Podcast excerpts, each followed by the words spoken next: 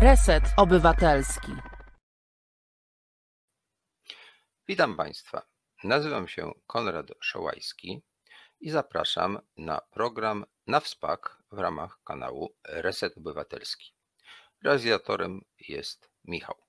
Nagrywamy, więc y, nie mogą Państwo bezpośrednio z nami się kontaktować, tak to wychodzi z mojej pracy, ale mogą Państwo pisać, jeśli macie jakieś życzenia. Bo y, Reset Obywatelski to miejsce dla tych, którzy mogą zadawać pytania, mogą mieć wątpliwości, coś sugerować, o coś prosić, w sensie tematu czy ujęcia i tak dalej. Zapraszam oczywiście do tego, żeby Państwo się kontaktowali. A jeśli Państwu podoba się to, co robimy, to bardzo proszę, żebyście zajrzeli na stronę Resetu. Tam jest napisane, jak nas można wesprzeć. Mogą Państwo zostać producentami, sponsorami, mogą zasilić nawet minimalną kwotą. Także zachęcam do tego, bo dzięki Państwa szczodrości istniejemy. Teraz tak, dzisiejszy gość, bo y, dzisiaj znowu mamy bardzo interesującą osobę, która będzie nam opowiadała o tym, co robi i dlaczego to robi. Dzisiejszy gość to absolwent szkoły Wajdy, takiej szkoły filmowej, y, takiej jakby wyższego rzędu, tak można chyba powiedzieć. Z wykształcenia filozof, z zawodu dziennikarz, reżyser i producent filmowy. Od 2008 roku e, w TVN24 realizuje reportaże z Polski i świata. Wcześniej pracował w Gazecie Wyborczej i w nowojorskim Nowym Dzienniku. Jako dokumentalista zadebiutował e, w sensie takim już filmowym, e, nie tylko reportażu, ale takiego filmu filmu E, zadebiutował w roku 2019 e, tytułem Stoczniowcy Ludzie z Tła. W 2022 roku ukazała się jego seria dokumentalna Kanada pachnąca cierpieniem o losie rdzennych wychowanków kanadyjskiego systemu szkół rezydencjalnych. Bohaterami jego filmów i reportaży są tak zwani zwykli ludzie, uwikłani w technologię, religię, historię i politykę. Marek Osiecimski. Zapraszam. Dzień dobry. Witaj, Marku. E, ja dlatego chciałem z Tobą rozmawiać, że po pierwsze, w ogóle jest ciekawe to, co robisz i gdzieś tam odpowiada mojej wrażliwości, a e, uwagę moją szczególnie zwrócił film składkowy, crowdfundingowo finansowany, który ostatnio miał premierę na YouTubie, który robiłeś dzięki temu, że się ludzie po prostu na niego złożyli. To jest bardzo taka szlachetna forma, ponieważ nie ma żadnych redaktorów, nie ma żadnych decydentów, po prostu ludzie chcą lub nie chcą. Jak chcą, to wpłacają. Jak nie chcą, to nie wpłacają. To jest proste, niesłychanie. E, I to e, udało ci się zarówno zebrać, może nie samemu, bo to miałeś pomocników, e, sporą kwotę, ale za E, kształt filmu, rozumiem, że już odpowiadasz ty. E, I ja go obejrzałem, zachęcony, szczerze mówiąc, takim wywiadem, który przeczytałem w wyborczej, który odsądzał cię od czci i wiary. No to mnie bardzo zachęciło oczywiście, żeby ten film obejrzeć.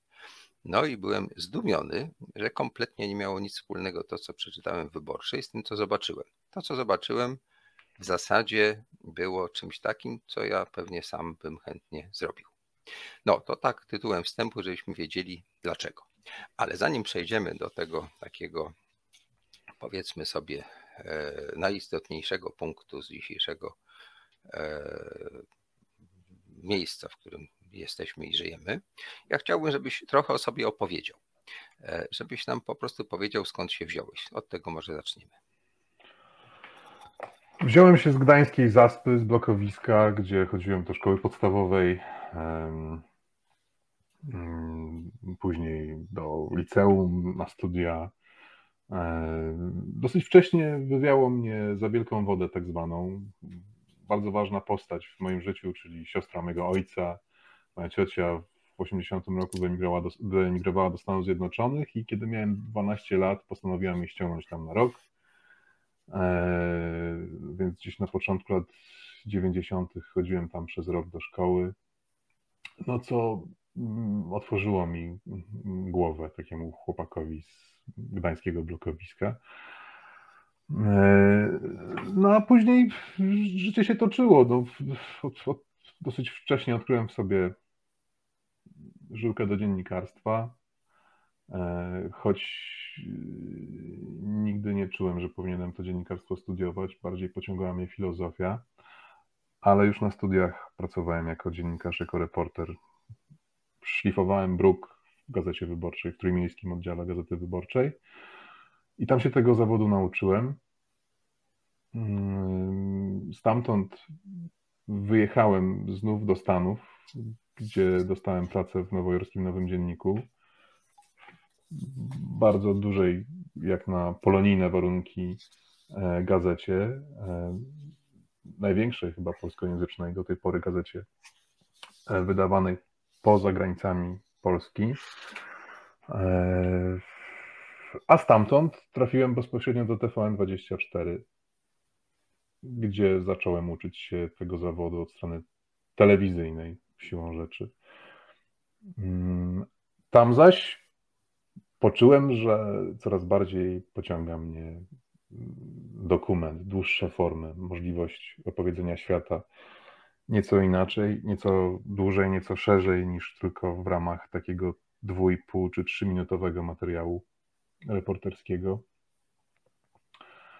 Eee, no, nie wiem, być może to tyle. Może no tak, to ja od razu wejdę Ci w słowo, bo jak rozumiem, y, dopiero później y, pojawiłeś się w szkole Wajdy, tak? Że do zawodów wchodziłeś niejako... Oj, znacznie później, tak. Z marszu. Mhm. Mam y, tutaj taką uwagę, czy taką dygresję chciałem zrobić i mm, chciałem, żebyś to także skomentował. Mianowicie do tego zawodu wchodzi się y, na różne sposoby, y, przy czym jedna droga, taka powiedziałbym bardziej standardowa, to jest taka, że udaje się człowiek do szkoły filmowej, jednej czy drugiej. Tych szkół filmowych teraz w Polsce się namnożyło ta najstarsza, znakomita łódzka filmówka już nie jest jedyna, jak to było kiedyś. Ja akurat studiowałem w Katowicach zaraz po tym, jak powstał Wydział Radia i Telewizji, który dzisiaj nosi nazwę szkoły imienia Kieślowskiego, bo tam nas uczył Krzysztof Kieślowski między innymi i dlatego jest patronem tej szkoły. A, no, a potem już w tych nowych czasach powstało tych szkół dużo, dużo więcej. E, prywatnych, e, które wymagają od swoich e, studentów opłat, mm, ale też mm, tam bardzo ciekawe rzeczy czasem powstają. I to jest ta jedna droga. Druga droga to jest w zasadzie taka Twoja droga, i tą drogą zresztą wielu interesujących twórców szło. Bodajże na przykład Wiesław Saniewski też był dziennikarzem, a potem był znakomitym filmowcem. I to bardzo ciekawe filmy fabularne robił, to widać, że ta szkoła dziennikarska nie tylko mm, jak gdyby nie e, limituje mm, możliwości, ale wręcz y, jakby powoduje, że człowiek być może jest bardziej związany z rzeczywistością. I teraz tak, e, wydaje się, że dzisiaj mamy znowu trochę do czynienia z taką sytuacją, jaka zresztą istniała w momencie, kiedy ja studiowałem, mianowicie, mm, że są jakby dwie szkoły, jeśli chodzi o uprawianie dokumentu. E, jedna to jest taka bliższa dziennikarstwu, polegająca na tym, że dotyka się jakichś takich spraw no, gorących, e, bolących, mających jakieś społeczne znaczenie. Twoje tematy to w zasadzie są tematy, które mogłyby być zawarte w artykule, eseju, książce, prawda? A można to opowiedzieć w filmie.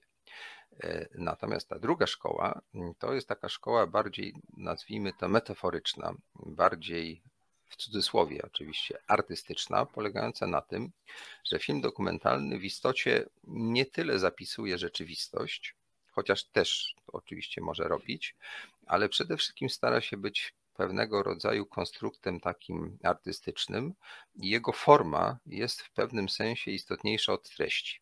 W związku z czym może być bardzo odległy od rzeczywistości, może opowiadać o najróżniejszych rzeczach, a to, co jest taką cechą wyróżniającą, to to, że jego forma jest dosyć specyficzna i zwraca uwagę na to, że tutaj mamy do czynienia z, nazwijmy to, dziełem sztuki.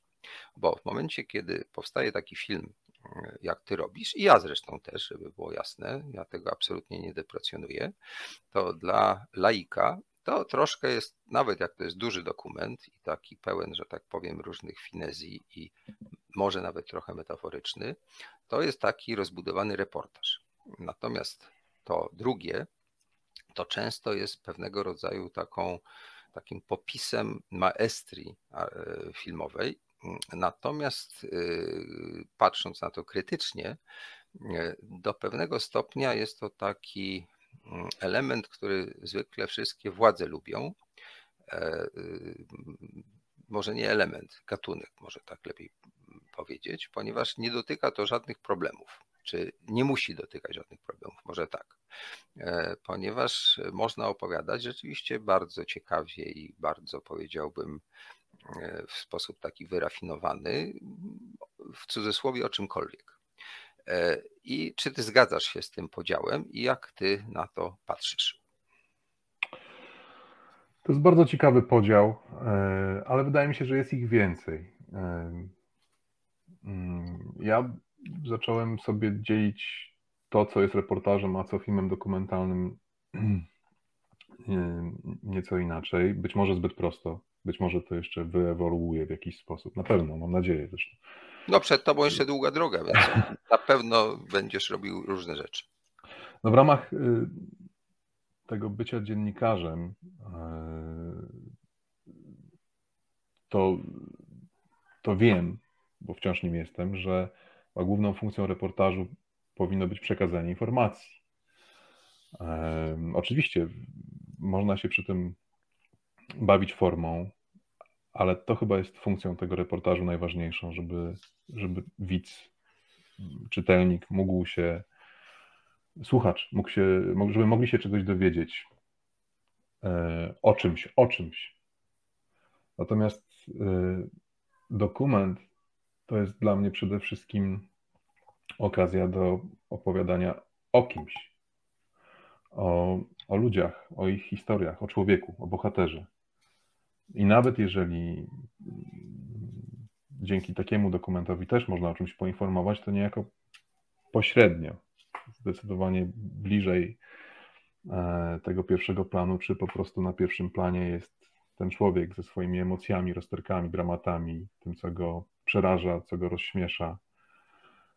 Mm, I to jest ten, ten podział, czy też te definicje, nieidealne absolutnie pewnie, które na razie, na razie rodzą się w mojej głowie.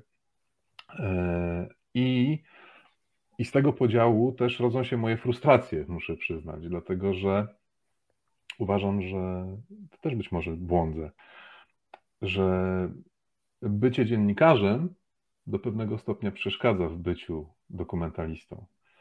Że być może jakoś trzeba zabić w sobie dziennikarza, żeby obudzić w sobie filmowca. E, I to dotyczy różnych aspektów, na przykład formalnych, e, przy pracy nad, e, nad filmem. Taką naturalną moją tendencją jako dziennikarza telewizyjnego jest opowiadanie historii poprzez rozmowy z ludźmi. Opowiadanie historii przez to, co oni mają na ten temat do powiedzenia w tak zwanych setkach, prawda? Czyli no, gadające głowy. Mm, natomiast, y, natomiast takim niedoścignionym wzorem filmu dokumentalnego dla mnie jest budowanie historii przez sceny. Ja mam wrażenie, że y, mam pod tym względem jeszcze bardzo, bardzo dużo do, do nauczenia się. Uwielbiam filmy, które są opowiadane scenami. Siłą rzeczy przez to filmy metaforyczne, symboliczne, w których historia człowieka mimo wszystko wybrzmiewa. On nie musi mówić o sobie, o kimś innym, żebyśmy my mogli to zrozumieć. To jest oczywiście sztuka, żeby tak to umieć zrobić, No i mam nadzieję, że, że kiedyś, kiedyś się nauczę, albo przynajmniej otrę się o to, żeby móc to w ten sposób zrobić. Próbuję, cały czas próbuję. Niejako wyrywając się z tych dziennikarskich łańcuchów, ale z drugiej strony wiem też, że to dziennikarstwo pomaga. Znaczy, myślę, że to doświadczenie i pracy w gazecie i później kolejne szczeble poznawania zawodu dziennikarza to była przede wszystkim nauka rozmowy z drugim człowiekiem, a też słuchania drugiego człowieka. I to są narzędzia dziennikarskie, stricte dziennikarskie, które pomagają mi w robieniu filmów. Czyli tu jest taka jakaś, nie wiem, dychotomia, być może rodzaj schizofrenii, że są rzeczy, które mi z jednej strony pomagają, a z drugiej strony wciąż nie pozwalają osiągnąć takie stadium e, robienia filmów, na którym by mi zależało, no, czyli, czyli takiego filmu opartego na scenach. E, I pamiętam rozmowę kwalifikacyjną w, do szkoły Wajdy, gdzie podzieliłem się tymi moimi rozterkami z Marcelem Łozińskim, jednym z wykładowców na kursie dokumentalnym Doc Pro. E, I on się strasznie ucieszył, że ja tak otwarcie opowiedziałem o, o tym swoim dziennikarskim obciążeniu. Powiedział: O, no to my ciebie już tego nauczymy, żeby spróbować się z tego wyzwolić. Nie wiem, czy się udało e, mnie z tego wyzwolić. Myślę, że być może nauczyli mnie próbować właśnie się z tego wyzwalać, no ale z drugiej strony e, niedawno dostałem informację, list od, od, e, od pana Marcela, no, w którym utwierdził mnie w przekonaniu, w zasadzie nie utwierdził mnie w przekonaniu, bo ja staram się jakoś od tego uciec. Raczej e, poinformował mnie, że właśnie opowiadanie o tym, co dzieje się tu i teraz, o najistotniejszych rzeczach, e, które nas otaczają, a co wynika z jakiegoś temperamentu czy wrażliwości reporters reporterskiej, to jest teraz najlepsza droga filmowa, jaką powinienem iść. On mi tak powiedział. To też jest dla mnie ważne. Zaskakujące, ale ważne. Więc bardzo dużo, Konradzie, mam tutaj, widzisz, rozterek, więcej znaków zapytania niż jakichś y, kropek, a tym bardziej wykrzykników, jeśli chodzi o to, co jest, a co nie jest y, filmem, co jest reportażem, e, kto jest filmowcem, kto reporterem. A być może to jest jakieś takie bardzo transgraniczne po prostu, że te granice są z definicji upłynnione i, i, i przenikają się i, i raz się jest bardziej po tej stronie, raz bardziej po tej nie wiem. Ja myślę, że tych y, sposobów opisu y, filmu dokumentalnego to jest y, bardzo wiele.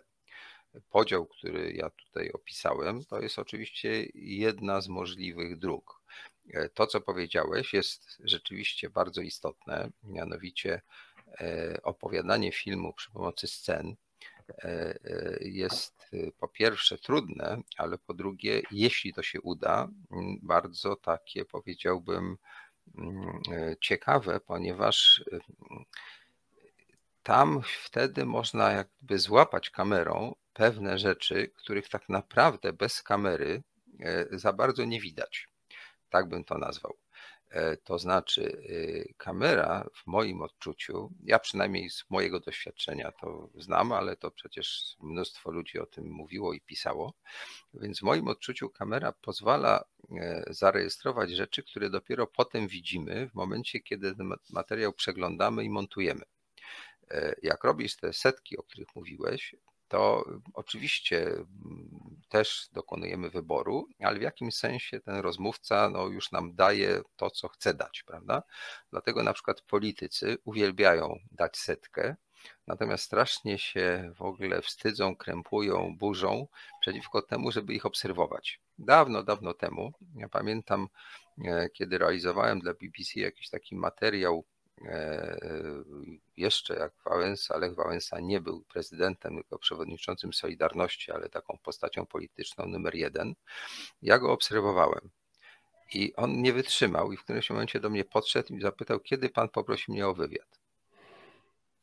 E, I ludzie są przyzwyczajeni do tego, tacy właśnie jak Lech Wałęsa, że kamera służy do tego, żeby zarejestrować ich wypowiedź, a nie zarejestrować to, co jest e, pewną prawdą wynikającą z e, body language, tak, czy, czy w ogóle zachowania i tak dalej, co zdradza pewną prawdę. To jest bardzo interesujące właśnie z punktu widzenia takiego e, filmowego, jak możemy e, dzięki temu złapać różne no, takie elementy, takie jakby cechy człowieka, którego obserwujemy, których no, absolutnie w tej tak zwanej setce się no, nie da, tak? Nie, no bo on będzie, e, jeśli jest e, sprawny intelektualnie, się kontrolował i tak dalej. Oczywiście pewne elementy tam wychodzą, też tempo głosu, nie zawsze wszystko jest takie całkowicie poddane woli, ale mimo wszystko sposób chodzenia,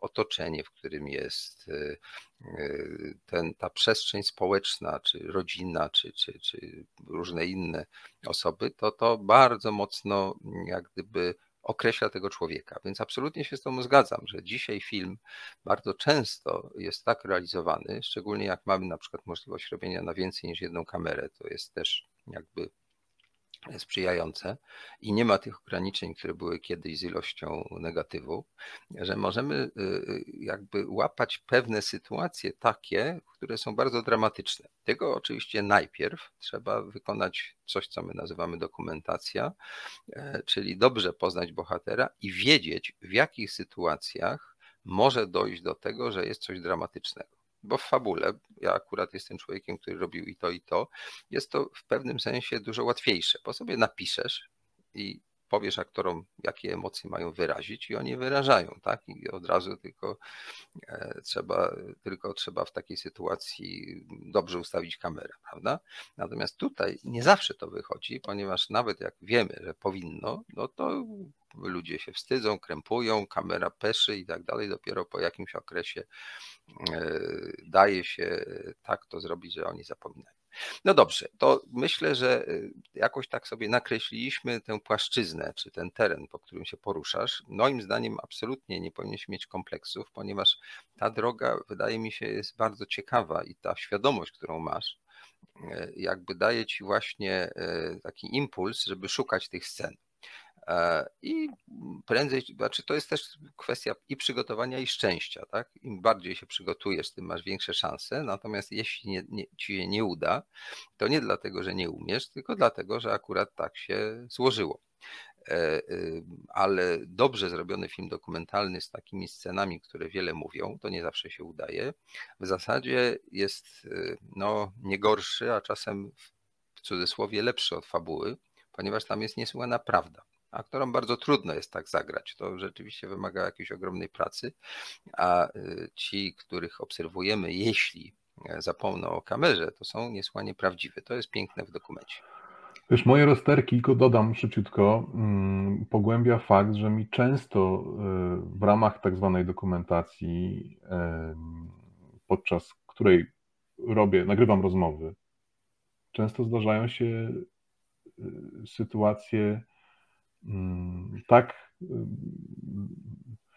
dojmującej prawdy, o której ty mówisz. Ludzie, ludzie, ludzie na przykład no, płaczą, y, opowiadając o swoim życiu, o tym, co przeszli, o swoich traumach.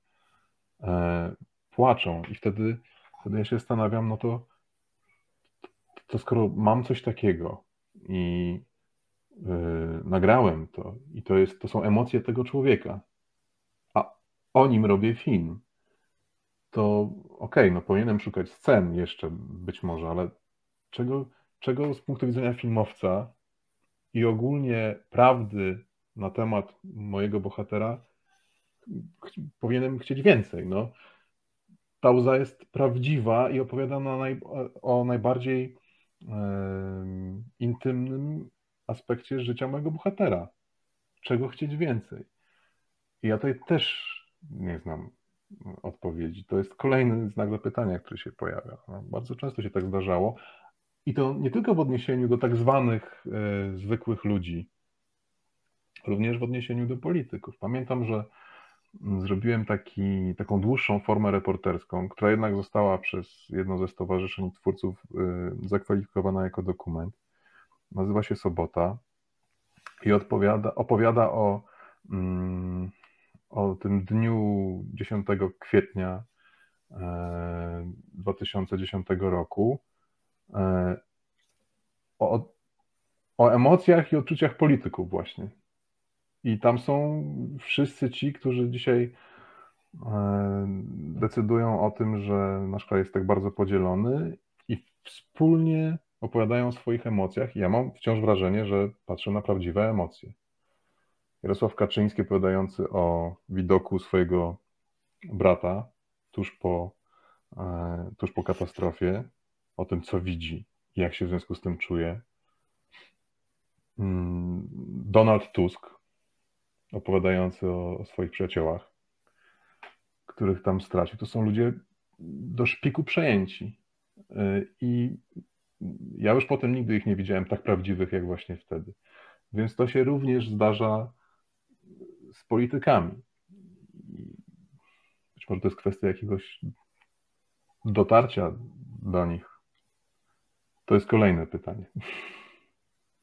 No tak, y, aczkolwiek ja już po iluś latach pracy mam często w sobie taki sceptycyzm e, polegający na tym, że wiem, jak bardzo ludzie potrafią, tak jak aktorzy, na pstryknięcie wywołać taką emocję, która nie jest nieprawdziwa, bo, bo człowiek posiłkuje się tym, co przeżył, ale ona jest tak troszkę na zawołanie.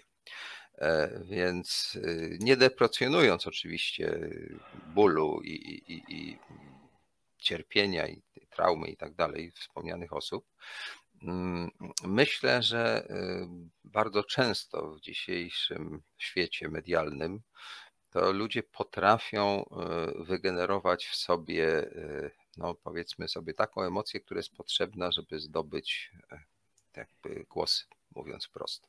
Ale absolutnie nie chcę tutaj mówić o tym, że to wszystko jest fałszem, bo myślę, że ta granica jest taka dosyć płynna i tak naprawdę do końca nie wiemy, ale dlatego weryfikacja tego poprzez obserwację e, e, najciekawsze jest nie to, jak facet jest na trybunie, czy nawet jak udziela wywiadu, tylko jak się zachowuje przedtem i potem. E, I po to nam jest potrzebna kamera, żeby też to złapać. Oczywiście ci nasi bohaterowie nie przepadają za tym, e, bo te maski często spadają. Pewnie ty też miałeś takie doświadczenie. I PR-owcy za tym nie przypadają. A PR-owcy to w ogóle tego nienawidzą, ale oni na to patrzą, wiesz, na zasadzie takiego reżysera, który kontroluje to, bo chce uzyskać swój efekt. Natomiast chodzi mi o to, czy doświadczyłeś czegoś takiego, że robiłeś wywiad grany normalnie, tu kamera, dźwiękowiec, światło i tak dalej.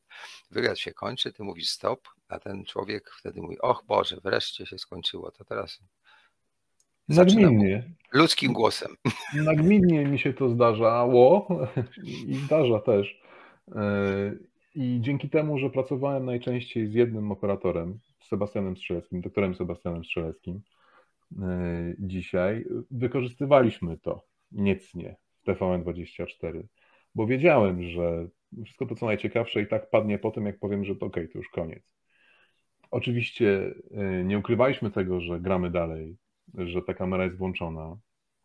Y, to nie było zostawianie pułapek w tym sensie na naszych rozmówcach, tym bardziej, że były to z reguły osoby publiczne. Więc nawet gdybyśmy zostawiali jakieś pułapki, żeby podejrzeć czy usłyszeć jakąś prawdę, to nie byłoby w tym nic złego, myślę. W każdym razie bardzo często e, w tak zwanych przebitkach, e, które następowały po przeprowadzeniu wywiadu, e, pojawiało się to, co było dla mnie najistotniejsze. I właśnie ta mowa ciała, o której ty mówisz, i kwestie, które nie padłyby w trakcie tej formalnej rozmowy czy formalnego wywiadu, wybrzmiewały najlepiej, najswobodniej. I często w ten sposób szyłem swoje materiały krótkie, bo krótkie, ale być może o tyle dzięki temu prawdziwsze. No. Tak, nie wiem, czy pamiętasz sytuację e, taką, no sprzed lat, więc może ty byłeś po prostu jeszcze wtedy za młody, kiedy chyba jakąś ważną nagrodę dostał za swój film, za swój film Ścinki Zygmunt Duś. E, to był film, który, którego on nie nakręcił, on go zmontował. E, to był montażysta, który pracował w Katowicach w ośrodku telewizyjnym i montował materiały w czasie jeszcze tak zwanej propagandy sukcesu za czasów Gierka i potem w latach 80. To był nasz wykładowca w Katowicach. I y, przez wiele lat zbierał ścinki, to znaczy takie kawałki taśmy filmowej, bo to wtedy się robiło na taśmie filmowej i te ścinki się wrzucało do takiego worka i one w zasadzie pewnie miały iść na grzebienie czy coś. On je pracowicie zbierał. Zbierał, zbierał, zbierał, aż w pewnym momencie e, złożył z tego film.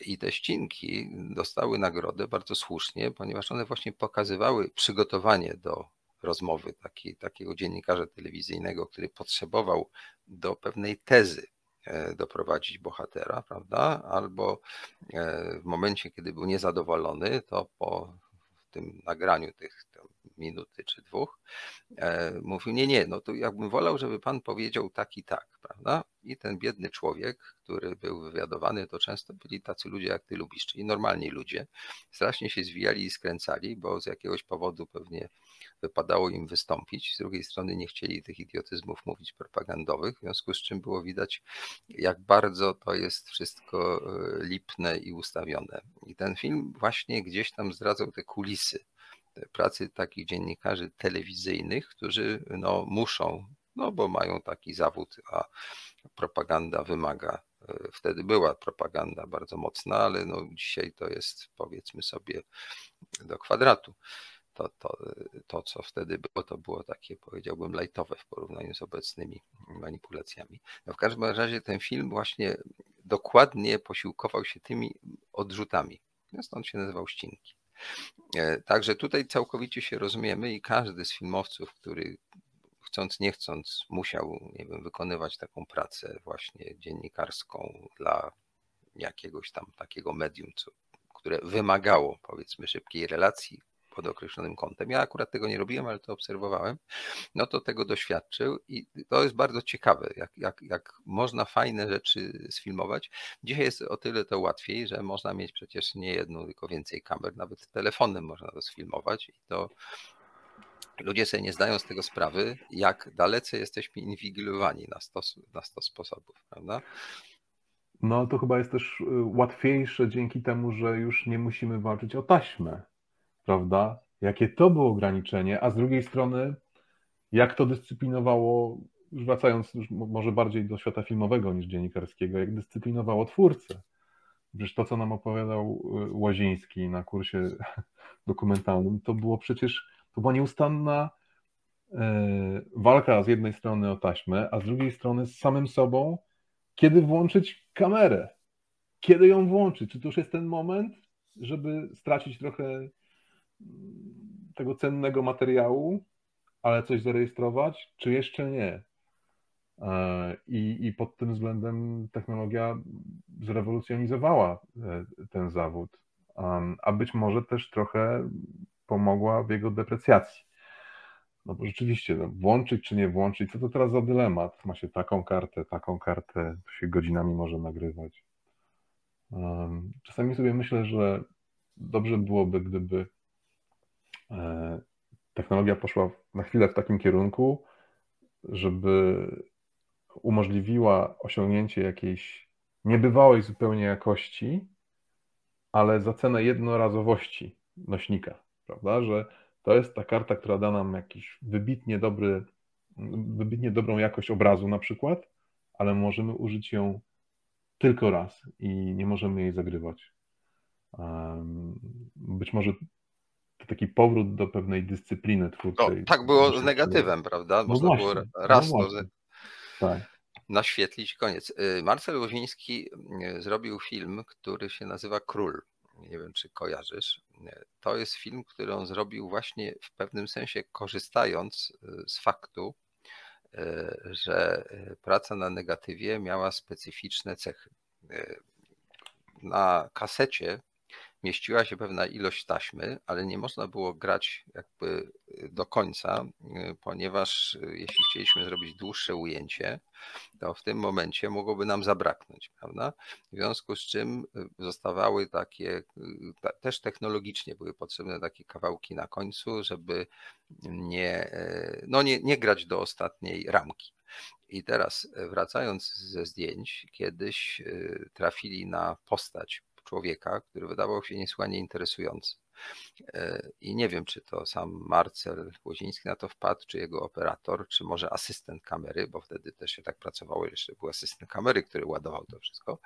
W każdym razie e, oni zastosowali taką technikę, że zrealizowali wywiad z tym gościem, z tym człowiekiem, e, wkładając po kolei kasety z tymi końcówkami. W związku z czym w zasadzie koszt tej produkcji był żaden, bo i tak trzeba było to wywołać. Oni wracali ze zdjęć do jakiegoś normalnego, w cudzysłowie, filmu.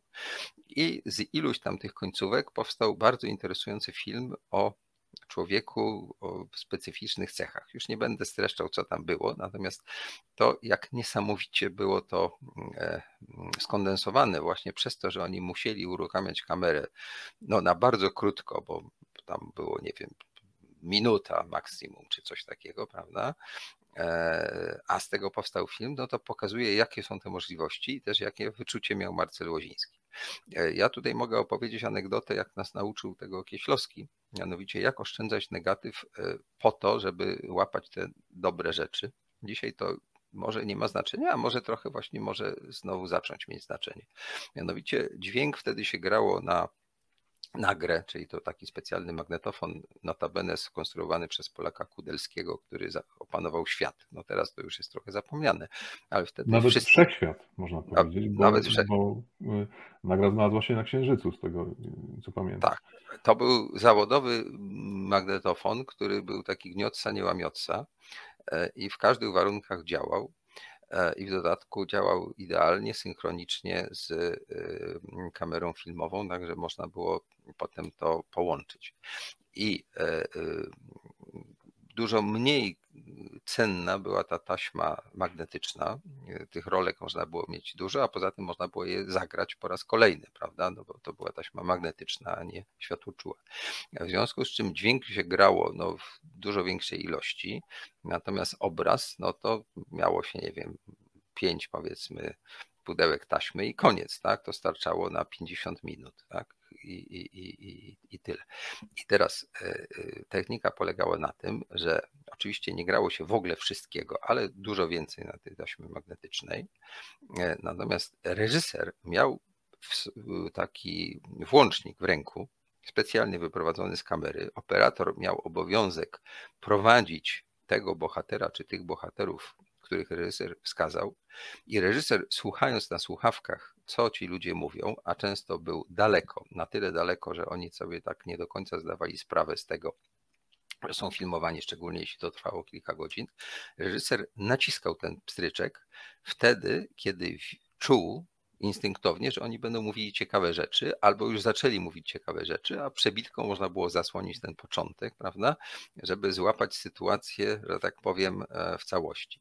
I e, ja tego się nauczyłem w szkole i pamiętam, jak robiłem taki pierwszy film, który można nazwać filmem, o dziennikarzach dziennika telewizyjnego w czasie stanu wojennego, to właśnie taką techniką pracowaliśmy. Ja tam sobie siedziałem spokojnie, dość daleko od operatora, bo ja mu powiedziałem, co on ma filmować, specjalnie tak, żeby nie było widać, że my tacy jesteśmy czujni i polujemy. On też tam udawał, że podsypia nad kamerą i w momencie, kiedy ja słyszałem, że oni mówią rzeczy interesujące, to to naciskałem, oczywiście patrząc na stoper, ile tego negatywu mi schodzi. Ale efekty można było uzyskać całkiem niezłe i to takie napięcie, kiedy włączyć, kiedy wyłączyć, bo to też trzeba było wyłączyć w którymś momencie, prawda? To było bardzo duże, ale tak się wtedy filmy robiło i rzeczywiście masz rację, że pewna koncentracja, która była wymagana do tego, szczególnie właśnie w tych scenach obserwacyjnych, bo co innego jak inscenizowaliśmy, no wtedy mieliśmy taką kontrolę jak w fabule, prawda? To też się w dokumencie zdarza. Natomiast e, w sytuacji, kiedy chcieliśmy podsłuchać, podejrzeć coś interesującego, to było możliwe dzięki takiemu trikowi. Z tym, że wtedy było o tyle łatwiej, że nikomu nie przyszło do głowy, jeśli już nas gdzieś wpuszczono, że istnieje ochrona taka prawna jak dzisiaj. E, przeciętny Kowalski może sobie, przepraszam, Kowalski, Malinowski czy Nowak, wszystko jedno, e, może nie zdawać sprawy, e, a może sobie już zaczyna zdawać sprawę, że nie wolno używać jego wizerunku bez jego zgody. W związku z czym, nawet jak sfilmujemy coś super ciekawego, to jeśli on nam nie podpisze stosownego dokumentu i nie jest elementem pewnej sytuacji takiej publicznej i tak naprawdę rozsądzenie tego to może nastąpić dopiero w sądzie, co, co jest takie całkiem publiczne, a co nie jest. Jeśli nie mamy tego dokumentu tak zwanego release form, czyli tego zezwolenia na użycie wizerunku, to nawet najpiękniejsze ujęcie idzie do kosza, ponieważ prawnicy nam nie pozwolą go użyć. Chyba przeżyłeś to w swojej pracy. Oczywiście, jak najbardziej. E, no zresztą e, robiłem niedawno mm, kronikę festiwalu filmowego w Gdyni. E, to jest taki zwyczaj, że studenci i absolwenci, jak się okazuje, mm, szkół filmowych w Polsce przyjeżdżają na te parę dni do, mm, do Gdyni i obserwują to życie festiwalowe, tworząc kronikę. I ja podczas robienia swojej natrafiłem kamerą, naszym bohaterem, przez którego też robiłem tę kronikę, na, Krzysztof, na Krzysztofa Zanussiego. I on tam nie miał absolutnie żadnego problemu z tym. A, bo to było tak, że najpierw, najpierw go nagraliśmy, minęło parę godzin e, i potem sobie uprzytomniłem, że nie mam tego dokumentu podpisanego przez Krzysztofa Zanussiego. Więc biegałem, biegałem, biegałem, żeby go znaleźć. W końcu go zobaczyłem, dobiegłem i poprosiłem go o, o ten podpis na, na dokumencie zwalniającym prawa do, do użycia wizerunku. I on wtedy użył e, takiego sformułowania, którego wcześniej nie słyszałem. Powiedział, o, liberatka, oczywiście, nie ma najmniejszego problemu. Podpisał i oddał mi liberatkę, ja miałem podpisany dokument i byłem bogatszy o, o wiedzę i o to, o to słowo, którego teraz też sobie używam y, ku uciesze ekip, z którymi pracuję. No tak, z tym, że w przypadku Krzysztofa Zanussiego można by przyjąć, myślę, że to nie byłby wielki błąd, że jest osobą publiczną, i w sytuacji, w której go filmowałeś, zdawał sobie sprawę, że go filmujesz, ponieważ był to wywiad i mhm. trudno e, jakby udawać, że on nie wiem, mówił sam do lustra, prawda? Raczej to mówił świadomie do kamery, no jest twórcą filmowym. W związku z czym pewnie byłoby do obrony, że w sytuacji czysto zawodowej, czyli zgodnie z e, tą ustawą, w zasadzie nie jest chroniony, tak to można nazwać, prawda? Tak, ale to wynikało też z wewnętrznych ustaleń między tymi ekipami a biurem festiwalu filmowego. Musieliśmy mieć liberatki na wszystko i na wszystkim. I oczywiście... No bo granica jest taka dosyć, powiedziałbym, płynna, y, która z osób, prawda, jest już osobą publiczną, a która jeszcze nie jest, tak? Czy ta aktoreczka, która akurat w tym tygodniu jest modna i jest na wszystkich okładkach wszystkich czasopism czy portali, już jest osobą publiczną, a na przykład pan Krzysztof Zanussi e, no nie jest, no bo nie wiem, akurat ostatnio go nikt tam nie pokazywał, tak? E, to jest ten, ten, ten dylemat, więc bezpiecznie jest oczywiście mieć od każdego. Natomiast w przypadku. No zwłaszcza, że podejść do Krzysztofa Zanussiego i poprosić go o cokolwiek, choćby o podpisanie dokumentu, to była po prostu przyjemność. No. No tak, tak. Słuchaj, na tyle długo jest pan Krzysztof Zanussi w zawodzie, że on doskonale sobie zdaje sprawę, jak trudno jest zrobić film i tacy ludzie y, jakby starają się pomóc po prostu. Jak już zrobisz parę filmów, to wie, że to w zasadzie jest niemożliwe, żeby w ogóle jakikolwiek film zrealizować. Ale były e, też takie sytuacje, powiem Ci jeszcze o tych, o tych dokumentach zwalniających, no, to, to, to release form. Mieliśmy taki dosyć długi szwęk, czyli jazda kamery mm, śledzącej naszego bohatera, dziennikarza gdyńskiego i społecznika, e, osobę na wózku, która była naszym właśnie bohaterem. Przez niego opowiadaliśmy tę historię festiwalu. I on tak sobie przejeżdżał od jednego budynku, budynku teatru muzycznego do e, obecnej siedziby szkoły filmowej w Gdyni. To jest jakieś 250 metrów, powiedzmy. No i o ile on przejeżdżał wśród ludzi, którzy po prostu przechodzili obok niego i tak dalej, o tyle też operator mógł brać pod uwagę to, żeby nie koncentrować się za bardzo na wizerunkach osób przechodzących. W centralnym punkcie kadru był nasz bohater, ale on w którymś momencie podjechał pod taką ściankę, tak zwaną ściankę festiwalową i zwrócił uwagę na, na scenę. E, po prostu kilka kobiet stało i robiło zdjęcie swojej koleżance, która stała pod tą ścianką. Siłą rzeczy spojrzał na nią, więc i operator jakoś odniósł się do tej postaci. E, zupełnie mi nieznanej, no po prostu był to ktoś, kto przechodził tamtędy i postanowił zrobić sobie zdjęcie na tle ścianki festiwalowej. No i mieliśmy ją w takiej scenie, w związku z tym natychmiast po, e, po zakończeniu tego ujęcia podbiegłem i też poprosiłem ją o podpis. Także trzeba bardzo uważać w dzisiejszym świecie, bo później niestety można skończyć z koniecznością blurowania, więc zamazywania tych wizerunków osób, które wcale by nie chciały być w jakimś filmie, prawda? No tak, tu niestety prawo jest takie, że do pewnego stopnia y, krępuje nasze mm, działania.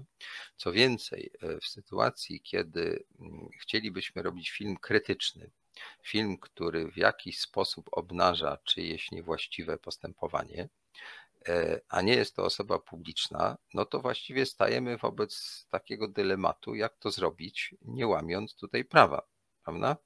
Bo y, przecież nie zawsze y, jesteśmy, jakby to powiedzieć, zaprzyjaźnieni, czy chcemy zrobić film, który dokładnie pokazuje to, co ten bohater by zaakceptował.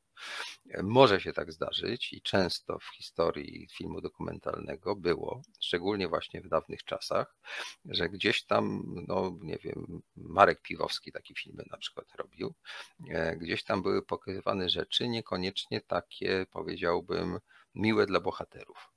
E, dzisiaj w pewnym sensie jest to niemożliwe, co jest paradoksalne, że mimo, że mamy taką wspaniałą technikę i że możemy dużo więcej, no bo mamy i te czułe kamery, i dźwięk jest niesamowity. Możemy grać z daleka albo mieć mikroporty. No, mnóstwo jest takich udogodnień, które powodują, że właściwie reżyser może sobie siedzieć, patrzeć w monitor, mieć słuchawki i w zasadzie być prawie jak w studio, prawda? To jest taki komfort, którego kiedyś nie było, bo trzeba było wiedzieć mniej więcej, jak w tym obiektywie to widać, tak? Przecież nie można było nie wyobrażam sobie tego i nie uważam, że, że, że jest to komfort. Ja, ja czułbym absolutny dyskomfort w takiej sytuacji, w takim zamknięciu. No, no tak, ale tak y, jakby ta technika nam umożliwia pewnego Możliwe, rodzaju taki komfort, prawda? Jak się robi fabułę, siedzi się w namiocie i generalnie, że fabułę, tak, tak, e, tak. A przy pewnych dokumentach też trochę tak jest, szczególnie, że jeśli e, reżyser zbyt blisko tam się kręci, to bohaterowie czasem są tacy ostrożni, prawda? A jak go nie widać, a no to to nie jest takie ważne, widocznie jakieś przebitki się grają. Więc to też nie jest tak, że, że ty musisz nieustannie wisieć na operatorze, żeby, żeby się kręciło to, o co chodzi. No ale jest właśnie z tego powodu dużo trudniej, że niestety prawo takie jest, no też jest dobrze, że chroni obywateli, ale z drugiej strony uniemożliwia pewne działania i wtedy trzeba znowu wykazać się pewną pomysłowością, jak o tym opowiedzieć, prawda, żeby nie złamać prawa, jednak to, co chcemy powiedzieć, żeby było powiedziane. Yy, dla jednej ze stacji telewizyjnych robiłem film, który zresztą w wersji tej międzynarodowej e, był inny. E, to znaczy, nie musiałem aż tak się bardzo pilnować, bo tam było po prostu inne prawo. A tutaj musiałem naprawdę wyblerować mnóstwo postaci, których nie mogliśmy złapać. Nie dlatego, że robiliśmy im krzywdę, tylko po prostu się tam załapały. I co więcej, było tak, że e, ta stacja nie zgadzała się na to, żeby było widać to blerowanie. W związku z czym to była wyższa szkoła jazdy i na przykład w kościele, jak ksiądz odprawiał mszę, a potem nie można było go złapać, bo gdzieś tam wyjechał, to myśmy wyblarowali go przy pomocy powiększenia dymu z kadzidła. E, także w ogóle tego blerowania nie nie było widać. No to takie techniki trzeba stosować. Ale wspomniałeś o BBC i też wiem o, o, o Twojej przeszłości tam mm, na Wyspach i teraz przy okazji śmierci e, królowej Elżbiety II zauważyłem, że właśnie BBC wprowadziło mm, taką zasadę, że jeżeli są na żywo, i robią jakąś relację na zasadzie sądy ulicznej. Akurat tak było, e, że to była sonda uliczna tuż przed pałacem Buckingham. To mają taki filtr, który znamy ze współczesnych smartfonów. E, kiedy włączamy tutaj profil, czy powiedzmy nie profil, ale tryb portretowy, to obiektyw skupia się wyłącznie na twarzy, zamazując całe tło. I jak się okazuje, tak zaczyna działać teraz telewizja. Po raz pierwszy to zobaczyłem przy okazji E, królowej, śmierci królowej i no wstrząsnęło to mną, bo proszę jak bardzo technologia próbuje nadgonić wymagania mm, prawne. I tak. to, też, to też jest pytanie, które należałoby postawić, czy to dobrze, czy to źle. No właśnie, ale proponuję, żebyśmy teraz chwilę odetchnęli, posłuchali muzyki, a za kilka minut wrócimy do naszej rozmowy. E, poprosimy o muzykę. Kawa w kawiarni kosztuje Cię więcej niż miesięczne wsparcie resetu. Prosty wybór, prawda? Wejdź na resetobywatelski.pl i kliknij w Obywateluj z nami. Witam wszystkich tych, którzy dopiero teraz do nas tutaj zaglądają. Ja się nazywam Konrad Szołajski, a naszym gościem dzisiaj jest Marek Osiecimski, który opowiada o kulisach pracy dokumentalisty i będziemy też za chwilę omawiali kilka tytułów jego filmów. Ale chciałem jeszcze dopowiedzieć na temat tej ochrony wizerunku, bo to jest bardzo ciekawa kwestia. Mianowicie tak, nie jest to tak do końca, że to zawsze trzeba się tego aż tak bardzo pilnować, bo w newsach to nie obowiązuje. E, I teraz różnica pomiędzy newsem a filmem oczywiście jest ogromna, ale czasem się zdarza, że używamy fragmentów z newsów, prawda, jako elementu montażowego. E, to jest pierwsza sprawa. Druga sprawa to jest taka, że jeśli osoba, którą sfilmujemy, jest częścią e, większej grupy, tłumu, i nie jest za bardzo rozpoznawalna, to też teoretycznie nie musimy o to dbać, chyba że prawnicy stacji telewizyjnej bardzo się boją. Mnie się zdarzyła taka historia, e, że y, zrobiliśmy ujęcie, zresztą kilka dubli, ale ten dubel był najlepszy, kiedy w bibliotece pewna pani szła z książką, przechodziła po prostu, naprowadzała kamerę na naszego bohatera. I akurat to ujęcie wyszło najlepiej, bo no, tam różne elementy w nim zagrały. E, w czasie zdjęć oczywiście myśmy byli tam zobowiązani, żeby zachować ciszę w tej bibliotece. To była wielka biblioteka Uniwersytetu Jagiellońskiego. E, bardzo piękna zresztą. Nie bardzo mogliśmy tam w ogóle łapać tych ludzi, tak? Zresztą chyba nikt nie pomyślał o tym. Potem prawnik, który oglądał film, e, powiedział, że musimy mieć zezwolenie na użycie wizerunku tej pani. E, trwało chyba trzy miesiące e, lokalizowanie tej osoby, tylko po to, żeby nie trzeba było wymieniać tego ujęcia e, i y, trzeba było pokonać różne zapory. Na przykład myśmy zdołali dojść którego dnia, o której godzinie, jacy czytelnicy w tej bibliotece byli, ale jest RODO, w związku z czym zdobycie namiarów na tę konkretną osobę było naprawdę diablo trudne. Nie pamiętam już, jak, jak dokładnie to się udało, w końcu się udało, bo ja się uparłem, że to ujęcie jest najlepsze, nie chcę go wymieniać, ale naprawdę bardzo dużo pracy trzeba było w to włożyć.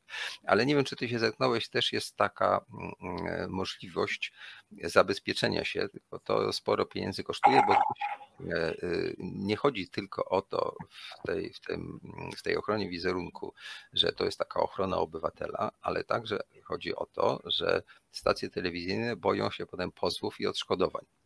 I teraz można zawrzeć umowę, takie specjalne OC, tak jak dla samochodu, tylko to jest nieobowiązkowe, nazywa się Errors and Omissions. Zetknąłeś się z tym, czy nie? No, słyszałem o tym bardzo ogólnie, ale nie zetknąłem się z, nim, z tym bezpośrednio.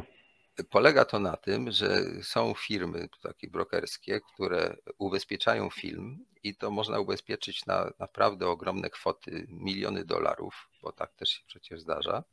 E, kwota, którą płacisz też jest duża, ale już oczywiście dużo mniejsza i tam się podpisuje taki cyrograf, że dołożyło się wszelkich starań, żeby tam wszystko zapewnić, zabezpieczyć i tak dalej, ale zawsze człowiek jest istotą omylną, prawda? Czasem pobłądzi, w związku z czym odpowiedzialność za te błędy bierze na siebie ubezpieczyciel do jakiejś tam kwoty. Więc to nie jest tak, że jesteśmy kompletnie pozbawieni możliwości działania. Ale, Ale, w ramach tego, że rzeczywiście zetknąłem się z, z, tym zjawiskiem, to chciałbym dopowiedzieć jednak, że te same firmy albo je, ich e, powiedzmy siostry firmy bądź bracia firmy zajmują się wyszukiwaniem e, wizerunków osób postronnych, sfilmowanych i załatwianiem odszkodowań dla nich właśnie. Więc to jest biznes, który działa w dwie strony. No tak, tak. Podobno agencje ochrony też e, jakby czasem nie do końca tylko pełnią funkcje ochronne i niejako zmuszają ludzi, żeby wykorzystywali ich usługi i tak dalej. No ale to żyjemy w trudnym świecie i coraz więcej czyha na nas takich różnych niemiłych E, pułapek. E, teraz bym chciał, e, żebyśmy zobaczyli trailer Twojego filmu o stoczniowcach i nam trochę o tym opowiesz, bo rozumiem, że to jest taki pierwszy Twój film, film, prawda? Prawda. Michale, prosimy o ten klip.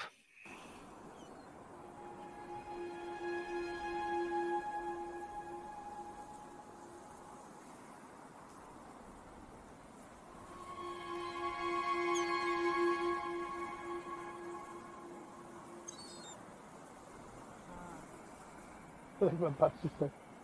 A nie, bo to film robią. O. O, jako stary stoczniowiec, to trochę o mnie. Aha, to panu jest, nie? Ja trochę. Też byłem stoczniowcem. Przebyło się trochę tej drogi. Jak my odejdziemy, to z nami ten duch stoczniowy odejdzie.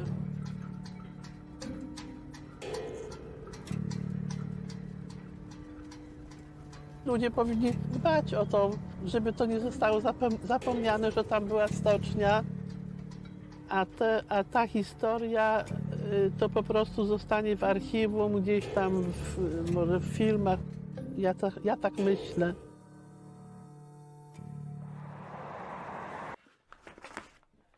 To było w 67 roku. 500 obróbka kadłuba na naszym wydziale. Cały wydział K1. I tu jestem. tu kierownik Żelik, tu Chmiel. I ze wszystkimi współpracowałam.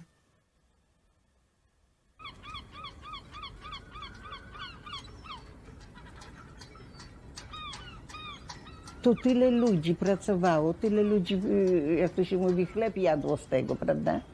Człowiek miał ten, ten zaszczyt, że pracuje w stoczni, że jest tym stoczniowcem. A teraz nie ma tego nic. Ty pracowałeś też w stoczni? Proszę? Ty w stoczni pracowałeś? Tylko 42 lata. A, też stoczniowiec. Tak?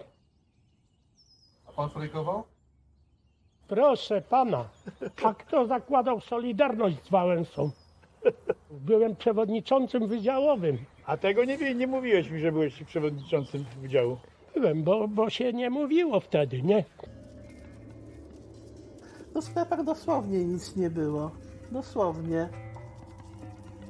Coś tam rzucali, jakieś ochłapy, ale to tak trzeba było postać. Łaskę robili, że w ogóle coś tam sprzedali. I w ogóle to się stało całą noc.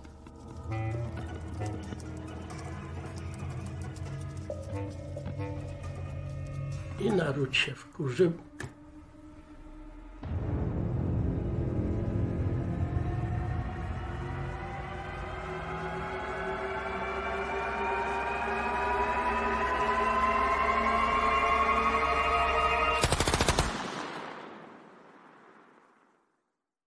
70 roku to do nas po prostu strzelali.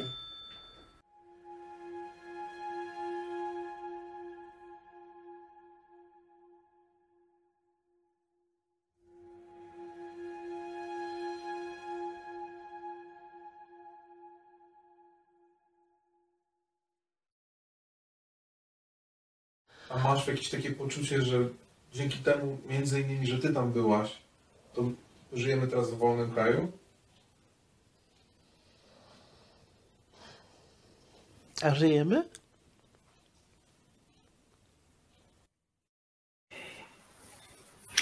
No, y, ten trailer jest z mojego punktu widzenia szalenie ciekawy. Y, y, ale powiedz, co ty myślisz, bo zdradzę kulisy, nie ty montowałeś ten klip. Tak, no ja jestem za każdym razem niezwykle ciekaw, jak widzi film osoba, która również zna się na narzędziach filmowych no i teraz miałem okazję zobaczyć e, trailer w wykonaniu naszego realizatora Michała i wydaje mi się, że bardzo ciekawie na niego spojrzał. Wyciągnął bardzo, bardzo zasadne fragmenty, no i pięknie spuentował. E, ta setka z pytaniem Urszuli, mojej bohaterki, a żyjemy? W nawiasie w Dolnym Kraju ona nie jest puentą tego filmu, a, e, w filmie, ale tutaj wybrzmiała fantastycznie. Także mm, Michale, fantastycznie dziękuję, że tak to zobaczyłeś. Ja się dołączam do gratulacji, dlatego że y, mieliśmy trochę problem, y, że ze względu na czas nie było trochę jak przygotować e, materiału do dzisiejszej rozmowy. I Michał powiedział, to ja to Wam pomogę w tej sprawie. I jak ja ten trailer zobaczyłem, to sobie pomyślałem, kurczę, ja bym chciał, żeby ktoś y, z mojego filmu też taki trailer zmontował, bo on naprawdę jest poruszający, a ta puenta daje, że tak powiem, dodatkowy walor. Mianowicie, że to nie jest tylko taki wspominkowe, rozrachunkowe i tak dalej, ale że i Twoje podejście, i refleksje tych bohaterów E, wiążą się z tym, co przeżywamy dzisiaj. Także to jest niesłychanie ważne. Jak robimy taki film historyczny, to bardzo często on służy do jakby realizacji współczesnych celów politycznych, tak bym to nazwał. Otóż w tym wypadku nie mam takiego poczucia. Właśnie mam takie poczucie, że to jest film, który e, w bardzo fajny sposób rejestruje mm, myślenie, emocje tych ludzi, i bym się absolutnie nie wstydził setek, które robiłeś, bo i na twarzach tych ludzi, i w sposobie, jak oni się ubierają, jak siedzą, jak wyglądają, jak mówią, jest bardzo wiele informacji, także to nie, nie, dobrze to zrobiłeś po prostu. A Michał potrafił z tego wyciągnąć taką syntezę, która no, chyba zachęca wszystkich, żeby ten film zobaczyć. Gdzie go można zobaczyć? On jest ogólnie dostępny. Jest y, między innymi na profilu e, facebookowym mojej firmy produkcyjnej Refugium Productions, więc zachęcam do odwiedzenia tego profilu. E, jest również dostępny na moim profilu facebookowym, takim tym zawodowym, dziennikarsko-filmowym. Też go postanowiłem udostępnić w związku z kolejną rocznicą sierpnia E, a cały film był robiony z myślą o 40. rocznicy i e, no choćby z racji tego, że ten świat stoczni to nigdy nie był mój świat. Moi rodzice, dziadkowie nigdy nie mieli nic ze stocznią wspólnego, a zawsze gdzieś go tam widziałem. Te dźwigi za murami, tych ludzi, którzy rano, gdy ja jechałem do szkoły, Mm, no, jechali do pracy i gdzieś tam niknęli za tymi murami, a później wychodzili z pracy i, e, i, i pamiętam nawet to, to uczucie e, zaciekawienia, kim oni są, ale ono tak zostawało po prostu we mnie, nic z tym nie robiłem aż do momentu, kiedy postanowiłem zrobić o tym film, o tych ludziach właśnie takich w cudzysłowie zwyczajnych y, ludzi z tła, o ludziach z tła, bez którego uważam, że tego sierpnia by nie było. Nie byłoby tej wspaniałej rewolucji, mm, a w konsekwencji być może o tyle trudniej byłoby jakiekolwiek trwalsze zmiany. E, no i chciałem się po prostu dowiedzieć, kim oni są, jak oni to pamiętają. No właśnie, te dwa ostatnie e, zdania, czy te dwie ostatnie myśli, e, że chciałeś się dowiedzieć i miałeś w sobie to uczucie zaciekawienia, myślę, że w tym filmie są podstawą. To znaczy, oglądając to, ja nie mam poczucia, że to jest kolejny rocznicowy, odrobiony kawałek, prawda? E, telewizje uwielbiają mieć na rocznicę jakiś film, bo to trzeba tam odnotować, tak? No bo tutaj była stocznia, był strajk, wiadomo, cholera, nie mamy stare, nie, już było pięć razy, to teraz może coś nowego. E, więc tak mniej więcej myślą ci, którzy programują. No, ta, takie są obyczaje, prawda? A ten twój film ma, jak ja to sobie teraz na to patrzę, takie właśnie coś, że w zasadzie mniej istotna jest ta polityka, mniej istotne jest to, że rocznica, a ważniejsze jest to, że kurczę, e, jak tacy ludzie jak my, e, że tak powiem, gdzieś tam zanurzeni w historii się czuli, kim byli, właściwie po co i dlaczego. To, to jest bardzo ciekawe i że tam nie ma tych deklaratywnych takich wypowiedzi, że tutaj musieliśmy walczyć o wolność, demokrację, prawda? Tutaj jakby są takie proste, zwykłe ludzkie zachowania i, e, e, i wywiady są fajne i, i to, że na ulicy gdzieś tam z daleka ich łapiesz i oni tacy są troszkę zadowoleni, że o nich film powstaje, a troszkę to takie jest może i peszące. No, mnóstwo jest tam takich rzeczy o ludziach, właśnie to, co ty mówiłeś, że w filmie dokumentalnym, fabularnym też, ale inaczej, bo tam są aktorzy, wiadomo.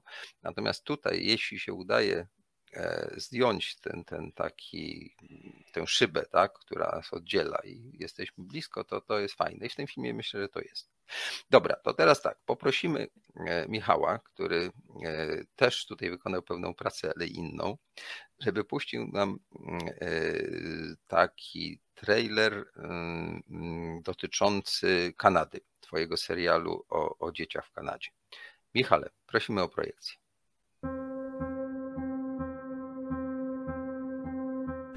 Istnieje wiele form przemocy.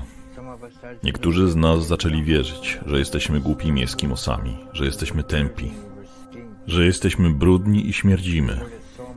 Tak często to słyszeliśmy, że w końcu zaczęliśmy wierzyć. Dostałam prosto w ucho. Pękł mi bębenek. Niektórzy z nas byli molestowani, gwałceni. Miałam 14 lat. 14 lat. Mogłem umrzeć.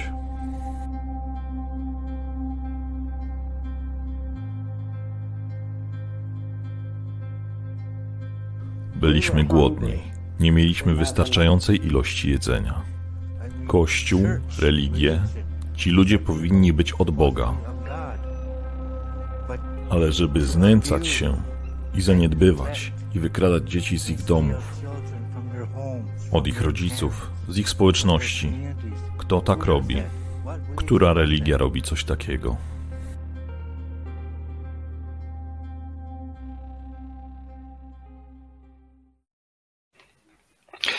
No właśnie, Michał tego nie montował, ale podłożył swój głos.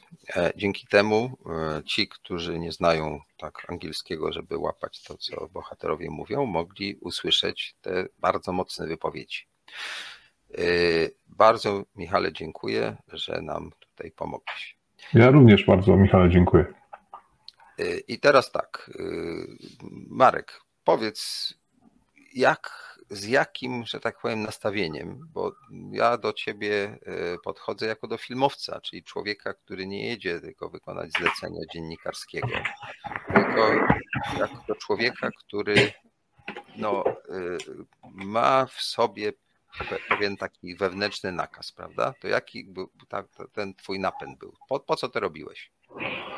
No, zaczęło się, właśnie teraz sięgnąłem po książkę, od lektury tej książki, w zasadzie zbioru reportaży mm, Jan Giera-Konoszko 27 śmierci Tobiego Obeda, która mną wstrząsnęła, e, otworzyła oczy na wiele spraw, ale też właśnie wzbudziła taką potrzebę mm, dotarcia do ludzi, którzy przeżyli coś podobnego, żeby jakoś się z nimi móc samemu skonfrontować, zobaczyć ich, wysłuchać tak z bliska.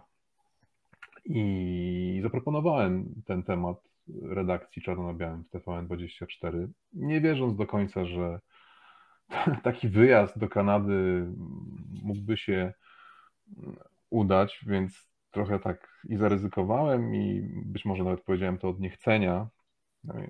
Na pytanie, no to, to co byś Marku zaproponował teraz na najbliższe 2-3 miesiące? To właśnie powiedziałem to.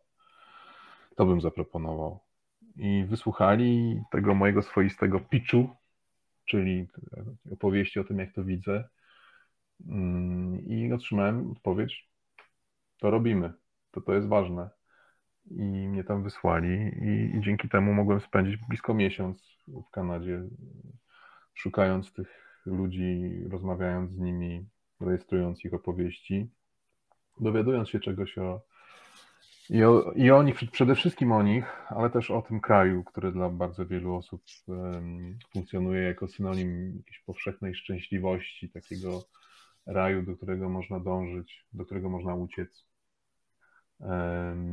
No ale też ważne były dla mnie pewne paralele, które można odnieść również do, do Polski, do, do tego, w jaki sposób my patrzymy na, czy zaczynamy rozliczać niektóre kwestie związane z Kościołem katolickim. Więc to wszystko było dla mnie istotne, a odpowiadając na bezpośrednio na Twoje pytanie, tym takim drive'em, z którym e, podjąłem pracę nad serią tych reportaży w gruncie rzeczy, była potrzeba dotarcia do, do tych ludzi i zobaczenia na własne oczy, wysłuchania ich e, własnymi uszami i mm, no w ten sposób zebrania materiału, aby móc tę historię opowiedzieć też moim widzom. Tak, znowu użyłeś takiego sformułowania, które wydaje mi się jest kluczowe dla Twojej pracy i w ogóle naszej pracy, jeśli traktujemy to, co robimy, tak trochę też powiedziałbym, e, może nie prywatnie, no bo to jest działalność zawodowa, ale jednak z takimi naszymi emocjami, dotarcie do ludzi prawda? To jest chyba klucz, y, że trzeba się porozumieć, nawet jak to są, akurat w tym wypadku to były ofiary, więc to niekoniecznie e, w naturalny sposób czujemy y, jakby solidarność z nimi, ale niekoniecznie tak musi być, bo czasem to mogą być ludzie, którzy zrobili coś złego, prawda? Ale też warto zrozumieć, dlaczego to zrobili, dlaczego są inni, dlaczego postąpili tak, a może dzisiaj już by tak nie postąpili, to też się przecież w filmie zdarza. Ale wydaje mi się, że y, Twoje podejście właśnie zdradza tę, mm, jakby to powiedzieć, duszę filmowca, że ty chciałeś tam pojechać po to, żeby poznać, tak? Po to, żeby jakoś zrozumieć tę sprawę. E, przy czym Gdyby nie książka, e, e, którą przeczytałeś, to pewnie nie wpadłbyś na to, bo to jednak jest sprawa odległa. Znasz tę, taką formułę, że 100 e, tysięcy ofiar gdzieś tam daleko w Azji równoważy mniej więcej 10 tysięcy ofiar gdzieś bliżej tutaj, powiedzmy, na Bliskim Wschodzie, tysiąc ofiar w jakimś kraju odległym, ale już takim bliższym, typu, nie wiem, jakaś tam powiedzmy może i Europa, e, i 100 ofiar w Polsce, albo jedna ofiara na naszej ulicy, tak? I że się bardziej przejmiemy tym człowiekiem, który się przewróci i umrze koło nas, niż e, tymi setkami tysięcy gdzieś tam po drugiej stronie globu. Prawda? I żeby to przełamać, no to trzeba znaleźć jakiś kluczyk. To jaki był twój kluczyk? To w ogóle był to w ogóle było wyzwanie, y, dlatego że niejako z definicji y, w tej historii, w historii tych ludzi, rdzennych Kanadyjczyków, biały dziennikarz z Europy to nie powinien móc za bardzo czego szukać. I bardzo szybko się zorientowałem, że największym problemem będzie mm, przełamanie tej bariery zaufania, czy też jego braku po prostu. E, ci ludzie z definicji nie chcą rozmawiać z białymi ludźmi. W ten sposób jesteśmy mm, postrzegani, w ten sposób jesteśmy opisywani myślę, że mimo tego, że jestem z Europy, że jestem z kraju, który nie ma historii mm, podbojów kolonialnych, choć kiedyś chciał mieć, to, to bardzo łatwo byłoby utożsamić mnie po prostu z osadnikiem, który zadaje jakieś, czy, czy też potomkiem osadników, który zadaje e, jakieś pytania, a z całą pewnością nie zrozumie żadnych odpowiedzi. Więc, więc problem zaufania to był ten największy i no, oczywiście przeczytałem o wszystkich tych postaciach, które występują w książce, e, ale dotarcie do nich, e, no raz, że tego nie chciałem, no ja nie chciałem robić jakby filmowej wersji książki, Joanna zrobiła swoją pracę, e, ja chciałem, mimo tego, że jestem absolutnie, byłem inspirowany tą książką, chciałem zrobić swoją, więc to było, pamiętam, no wiele tygodni łapania jakich, jakichkolwiek E, choćby drobnych śladów kontaktu z kimś tam, zanim pojadę. E, pisanie setek listów, e, gdzie tłumaczyłem, jakie jest moje podejście, co chcę zrobić, dlaczego mnie to interesuje. I to były setki odpowiedzi negatywnych. Czasami, powiedzmy, traktujących sprawę zdawkowo, przepraszamy, nie mamy czasu, a czasami dosyć brutalnie odpowiadano mi, że sorry koleś, ale spadaj na drzewo. Powiedz, mówimy to w ten sposób, to i tak będzie kulturalnie. No ale w końcu się udało. Pamiętam, że przeczytałem tekst o, o poecie rdzennym z Kolumbii Brytyjskiej, o Garym Gottfriedsonie w New York Timesie. I napisałem do niego po prostu. Wyszukałem jego adres e-mail, napisałem do niego długi list i on odpisał.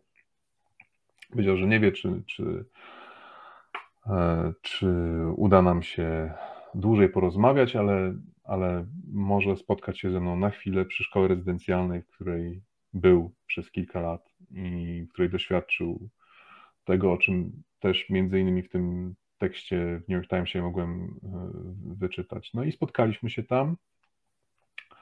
E, usiedliśmy na takiej ławce nad, nad rzeką. Z drugiej strony była ta szkoła, w której, w której był e, maltretowany, torturowany, gwałcony.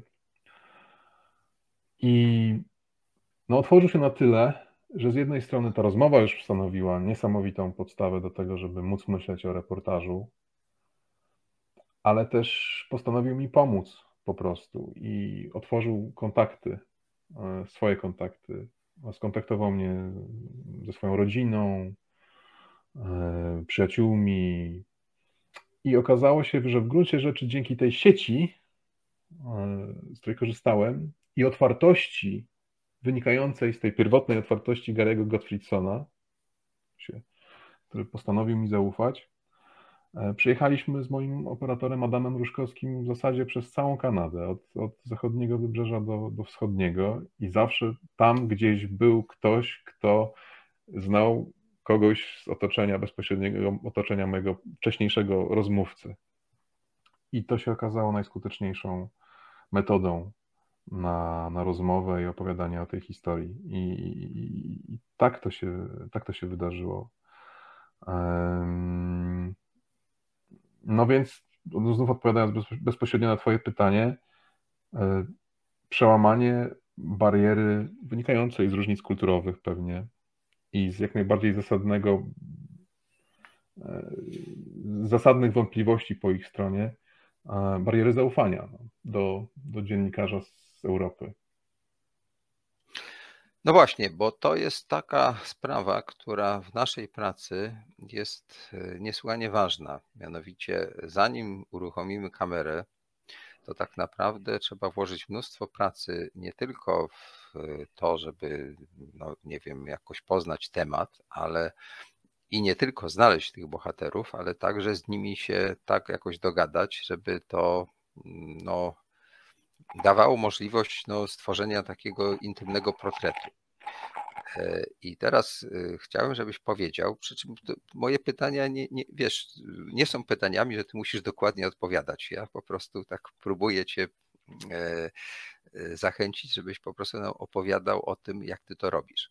W każdym razie tutaj chciałbym się dowiedzieć, jak tobie się udało zrobić rzecz, która jest trudna nawet w Polsce, kiedy możesz sobie do tych bohaterów jeździć ile chcesz, prawda?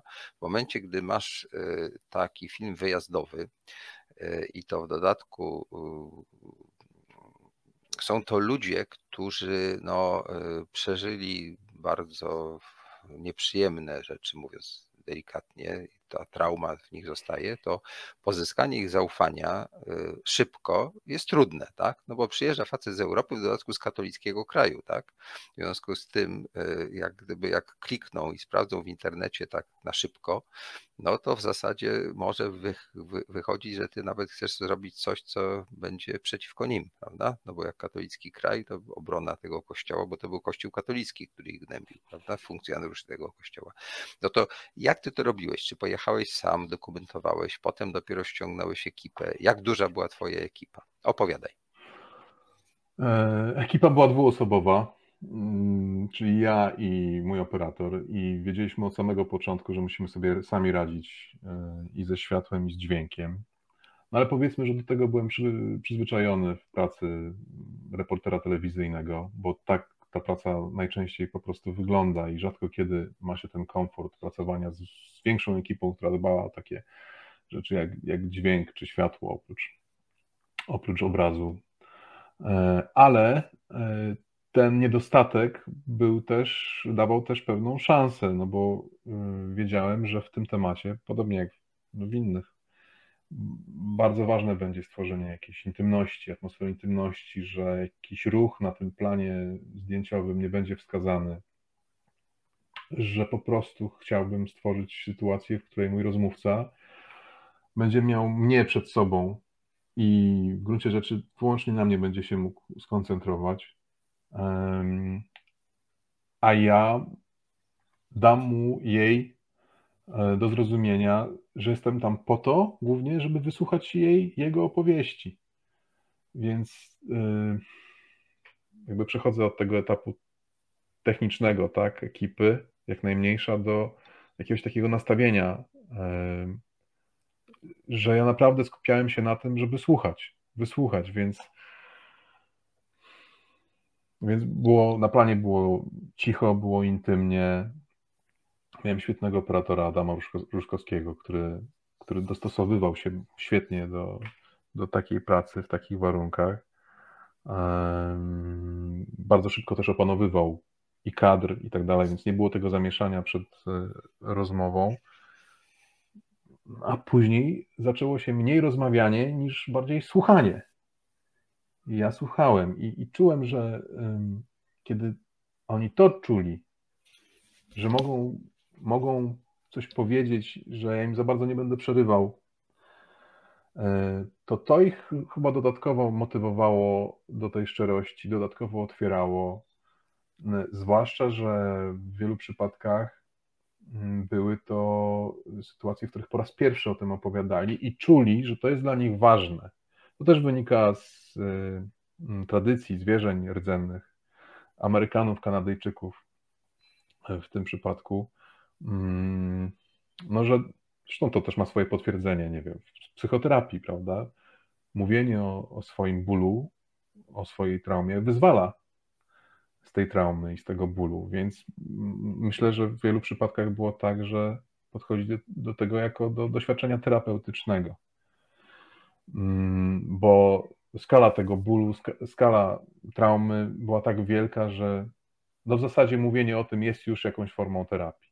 Ja to też rozumiałem, bardzo szybko to zrozumiałem. I to mi też pozwalało powściągnąć jakieś takie pewnie naturalne dla dziennikarza hmm, potrzebę właśnie do, do pytania, e, przerwania, żeby coś uściślić, prawda. Starałem się tego nie robić. E, I to się okazało skuteczną strategią rozmowy brzmi strasznie, no ale no, no to taka była rzeczywiście ta moja strategia, żeby przede wszystkim słuchać. I oni to czuli. Mam wrażenie, że to dzięki temu się przede wszystkim udało, ale już w ramach tej sytuacji, którą się udało wytworzyć dzięki przełamaniu bariery mm, zaufania. Że kolej, ci kolejni moi rozmówcy to byli ludzie, którzy się mnie już spodziewali, którzy dowiedzieli się ode mnie, o, o mnie o, od swoich przyjaciół, od rodziny. Po prostu wiedzieli, że o, to też jest istotne i to też pewnie wynika z ich kultury. No, przyjmowali gościa, e, więc traktowali mnie bardzo dobrze, jak swojego gościa.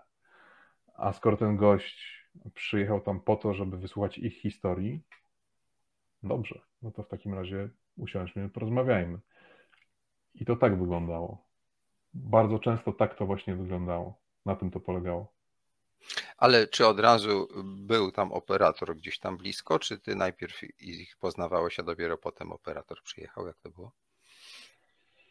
Mm, nie, nie było, nie było czasu na, na tego typu mm, mm, pracę, powiedzmy dokumentacyjną, że ja mógłbym sam gdzieś najpierw być, przywitać się i tak dalej.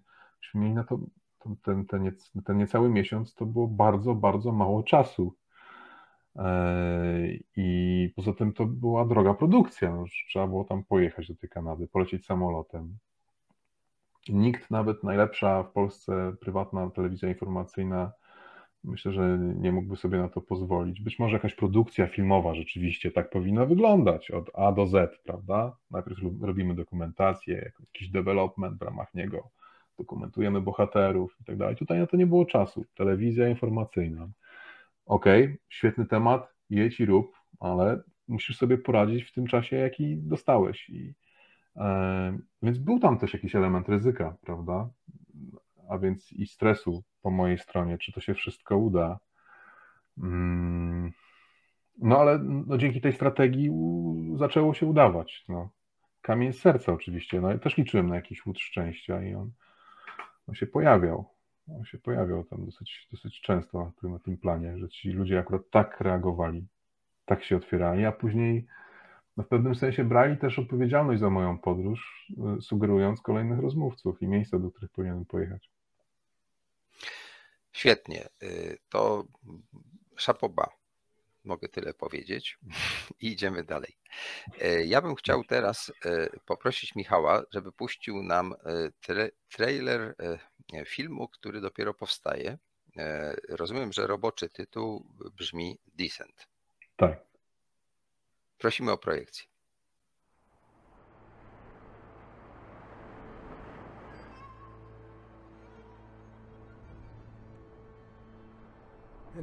To wszystko było pod wodą.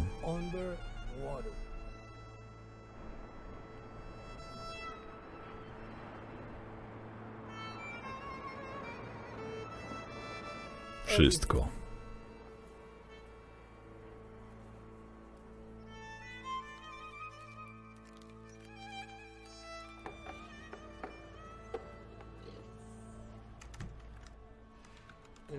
Zacząłem w styczniu albo w lutym. Zainteresowałem się blockchainami. To brzmi tak dobrze, że ludzie mówią, że to zbyt piękne, żeby było prawdziwe.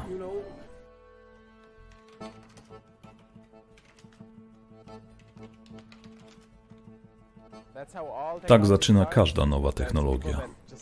Od ludzi, którzy kochają komputery i kochają kodować, i kochają piękno mechaniki. Co jest najciekawsze, to to, jak możemy użyć tej mechaniki, aby robić różnicę w prawdziwym świecie. Blockchain żyje na każdym komputerze i na każdym ciąży odpowiedzialność, by się nim zajmować.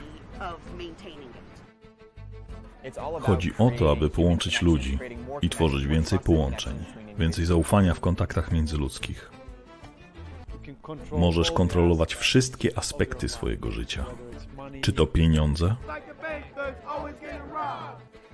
dane, związki między ludźmi, nawet kontrolowanie, na kogo głosujesz, bez udziału rządu i wielkich korporacji. Pragniemy, by ludzie odzyskali tą kontrolę. To możliwe. Nie stanie się to od razu, ale to możliwe. To jest algorytm. Blockchain. To sztuka.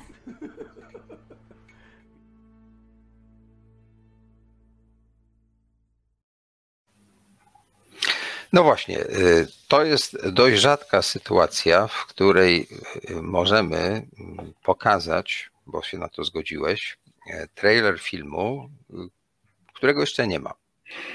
W naszej branży to się często spotyka na takich zamkniętych spotkaniach zawodowych, gdzie szukamy partnerów, szukamy pieniędzy, szukamy e, no, możliwości realizacji tego projektu. Tutaj mamy do czynienia z czymś, co ty już zacząłeś robić, ale nie jest to rzecz do pokazania publicznie, ale zdecydowałeś się jednak pokazać ten trailer, dosyć tajemniczy i wydaje się trochę inny niż to, co wcześniej było, tak? Bo przedtem ty miałeś takich konkretnych ludzi, z którymi mogłeś mieć bliskie kontakty. Tutaj mam szeroką paletę, tak? Tak przynajmniej ja to odebrałem. To powiedz mi, e, jak właściwie doszło do tego, że się na to zdecydowałeś, żeby nam to pokazać? To jest film, e, który w dużym stopniu odzwierciedla te moje wewnętrzne rozterki, e, co jest dziennikarstwem, co jest filmem, kim ja jestem, co ja robię, czego szukam, co jest istotne w filmie.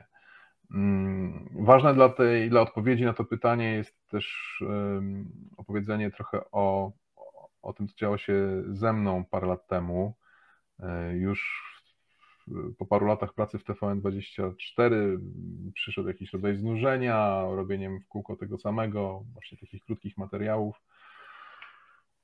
W którymś momencie mój przyjaciel, który rozpoczął spektakularną karierę w tej branży technologicznej, powiedzmy startupowej, związanej z technologią blockchain, rodzącą się wtedy, e, któremu po przyjacielsku e, pomogłem filmowo opowiedzieć, wyjaśnić, na czym polega jego pomysł technologiczny. I to przyniosło e, skutek. W pewnym sensie zrobiłem mu film promocyjny, gdzie wytłumaczyliśmy, na czym polega jego pomysł.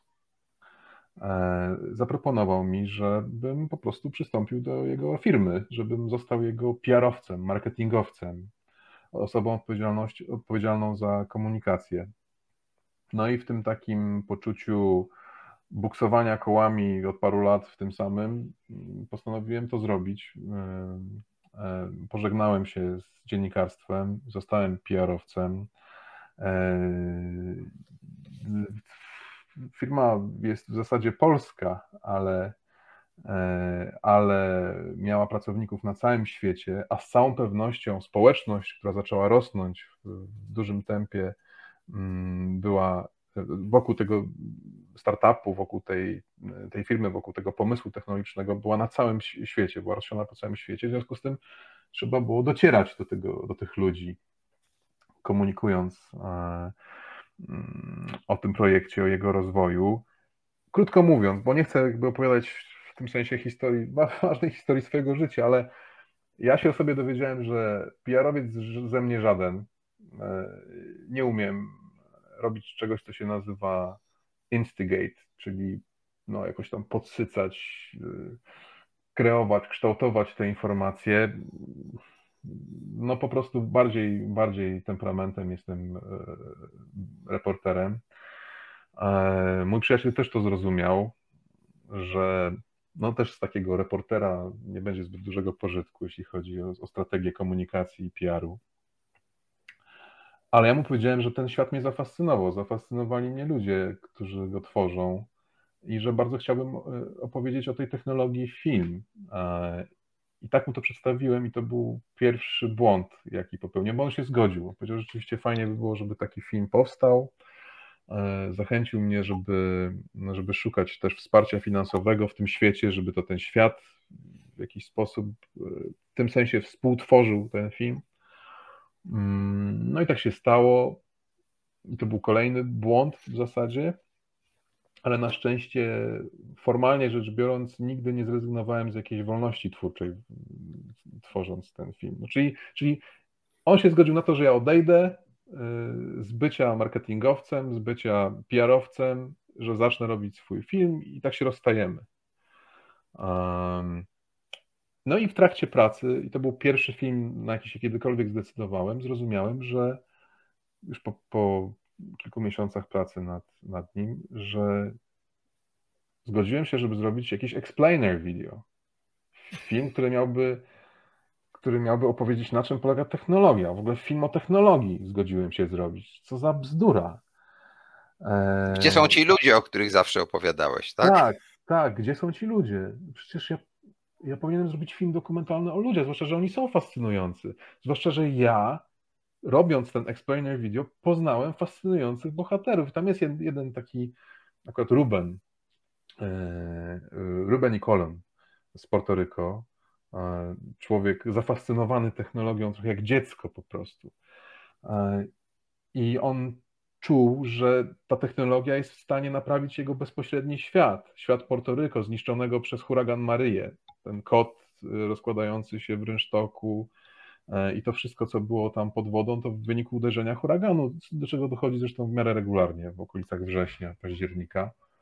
Mm, to była jedna postać. Druga y, też została pokazana w tym trailerze mm, pod koniec już. Człowiek, który mówi, że możemy przywróci, przywrócić ludziom E, bezpośrednie połączenia między sobą. Bezpośrednie połączenia bez pośredników, którzy z reguły żerują na, tych, na tym łączeniu ludzi ze sobą. E, no i, no i teraz już wiem, a to był, no doszło też do jakiegoś kryzysu twórczego w trakcie robienia tego filmu, prawda, że no jednak, no co ja zrobiłem, to też obiecałem i, i e, i sam siebie okłamywałem, że chcę zrobić jakiś film o technologii, a no jednak chcę zrobić o ludziach, ale, ale nie wiedziałem jak. Nie wiedziałem jak i to jest powód, dla którego poszedłem do szkoły filmowej, yy, dla którego postanowiłem pójść do szkoły Wajdy na ten kurs dokumentalny, żeby się dowiedzieć jak.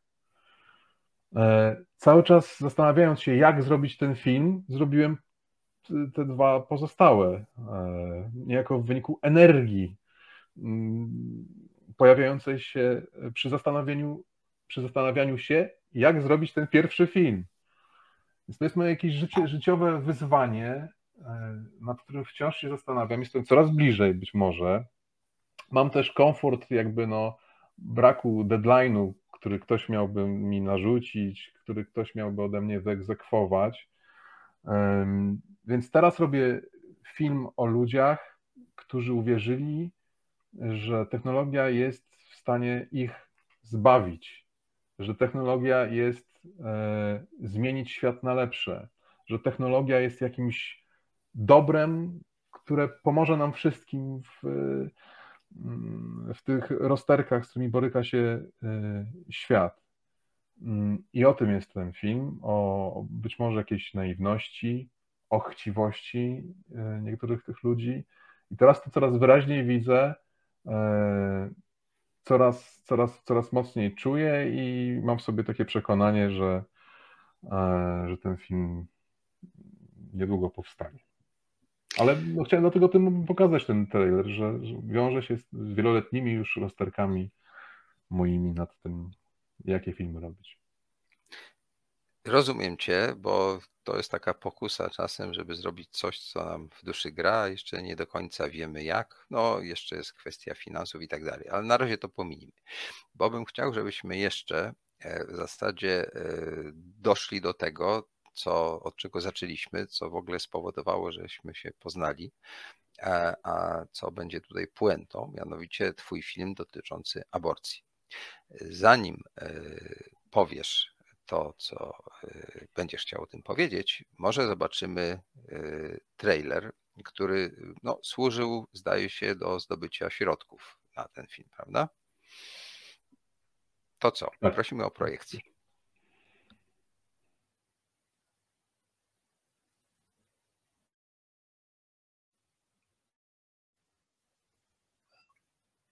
Ogłaszam wyrok. Wyrok w imieniu Rzeczypospolitej Polskiej.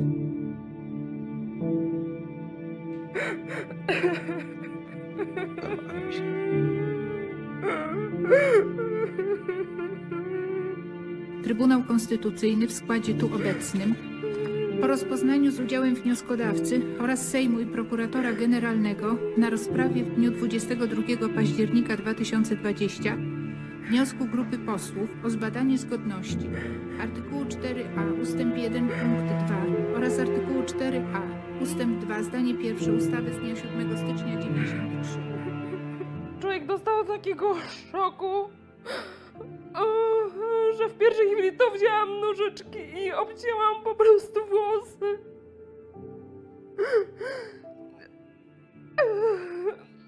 Człowiek ma wrażenie, że po prostu odchodzi od zmysłu.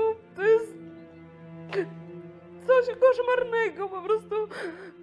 Dzieci patrzą, jak matka się odbija od ściany do ściany i nie wiedzą o co, o co chodzi.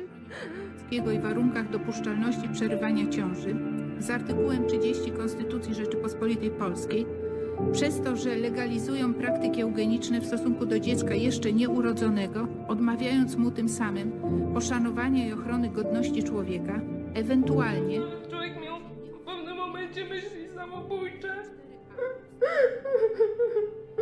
Tylko świadomość, że, że są jeszcze dzieci w tym wszystkim i, i jak gdyby wsparcie w mężu, jak gdyby to spowodowało, że tu jeszcze jestem, że tu rozmawiamy. oraz uzależniają ochronę prawa do życia dziecka jeszcze nieurodzonego od jego stanu zdrowia, co stanowi zakazaną bezpośrednią dyskryminację oraz artykuł 4a ust. 1 punkt 2 oraz artykuł 4a ust.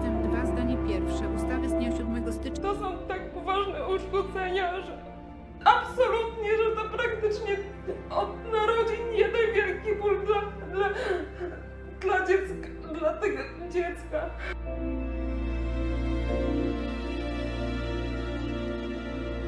Przez to, że legalizują przerywanie ciąży bez dostatecznego usprawiedliwienia koniecznością ochrony innej wartości prawa lub wolności konstytucyjnej oraz posługują się nieokreślonymi kryteriami tej legalizacji. Zdawało mi się, że słysząc o takich przypadkach, że rozumiem te kobiety. Ale tylko mi się zdawało, że je rozumiem. Że podzielam ich ból. Ten ból jest po prostu dużo większy niż mi się wydawało. Nie jestem w stanie tego zrozumieć tak naprawdę. Teraz jestem tego w pełni świadoma, dopóki sam człowiek tego po prostu nie, przeży, nie przeżyje, nie doświadczy na własnej skórze.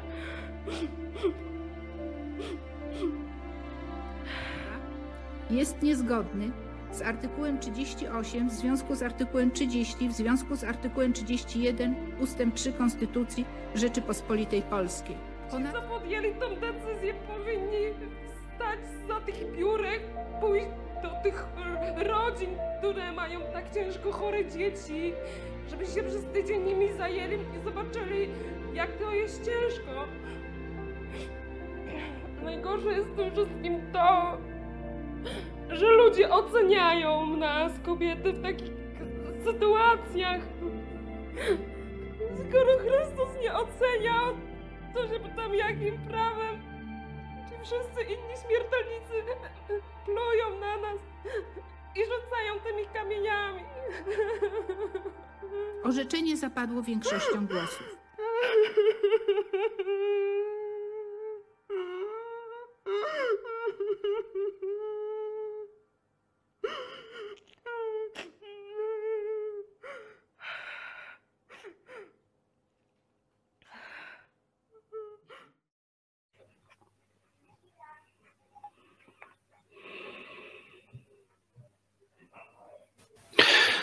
Marku, dlaczego podjąłeś się robienia tego filmu, y, którego trailer y, zrealizowany między innymi po to, żeby zebrać środki, właśnie obejrzeliśmy? Dlatego, że jestem e, ojcem. Słychać mnie, czy coś? Mamy pewnie jakieś problemy techniczne. Ja Ciebie słyszę, ale pewnie z opóźnieniem. Ale teraz powinno być ok. Teraz chyba jest wszystko. Dobrze. Dlaczego podjąłeś się e, realizacji tego filmu? Na temat naprawdę bardzo ciężki. Ja mówię o tym, e, mając świadomość, e, jak trudne było dla mnie zmierzenie się z tym dwa lata temu, kiedy dla Arte taki film robiłem krótszy. Ty zrobiłeś taki już bardziej, powiedziałbym, rozbudowany, dotyczący jednego aspektu niesłychanie ważnego. No to dlaczego się za to zabrałeś? No więc tak, ten film y, wziął się z takiej potrzeby przełamania bezradności, w której tkwiłem jako obywatel i jako ojciec y, córki, która chciałbym, żeby dorastała w tym kraju i, i żeby nie musiała się borykać z tak opresyjnym prawem nigdy w życiu. Więc chcia, chciałem zrobić coś.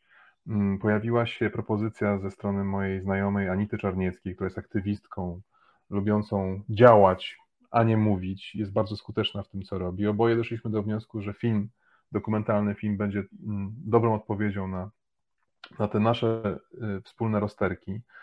Mm, zaproponowałem film dokumentalny, a więc nie reportaż, nie biuletyn informacyjny, nie zestaw informacji, która mogłaby się komuś w tym momencie y, przydać na zasadzie jakiegoś, nie wiem, poradnika, ale właśnie film, opowieść o ludziach.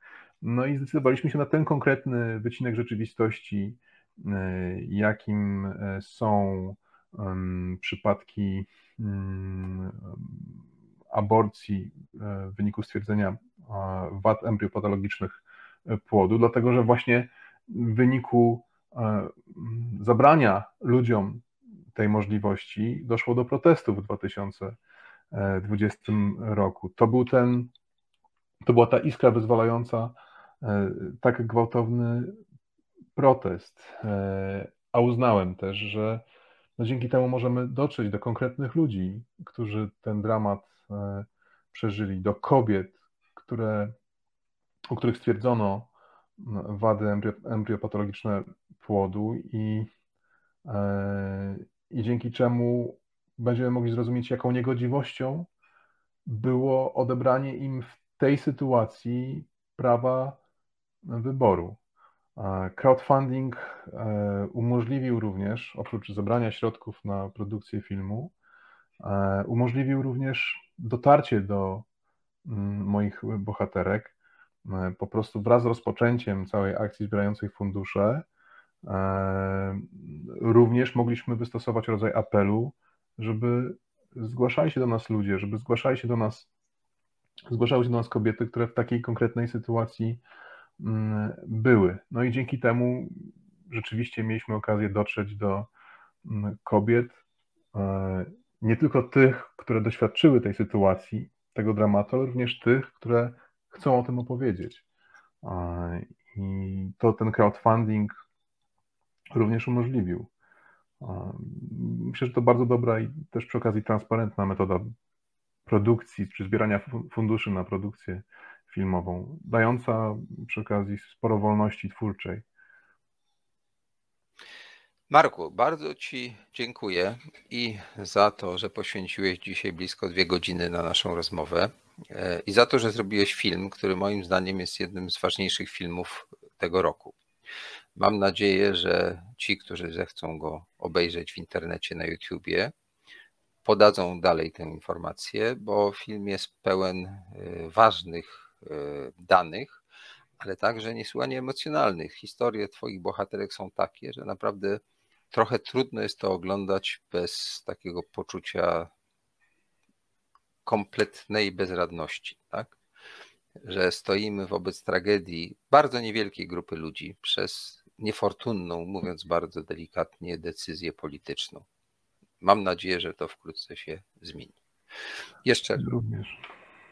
Jeszcze raz wielkie dzięki i mam nadzieję, że będziemy mieli jeszcze okazję się spotkać, bo Twój film o blockchainie mnie zainteresował, więc czekam, aż Ci się uda go zrobić. Bardzo dziękuję. To była prawdziwa przyjemność. Nigdy w życiu nie miałem okazji e, e, rozmawiania tak długo o, o mojej pracy. Mm, dziękuję, że zwróciłeś na nią uwagę. Dziękuję za Twoje słowa o tym filmie. On jest rzeczywiście dla mnie bardzo, bardzo ważny i bardzo bym chciał, żeby pomógł w podniesieniu świadomości o, o tym dramacie, który się dzieje, cały czas się dzieje, każdego dnia się dzieje. E, I nie, ważne, że wobec jakiejś małej grupy ludzi y, te dramaty są tak wielkie, że nie można ich nie zauważać, nie można o nich nie mówić, trzeba o nich mówić. Do zobaczenia. Do zobaczenia.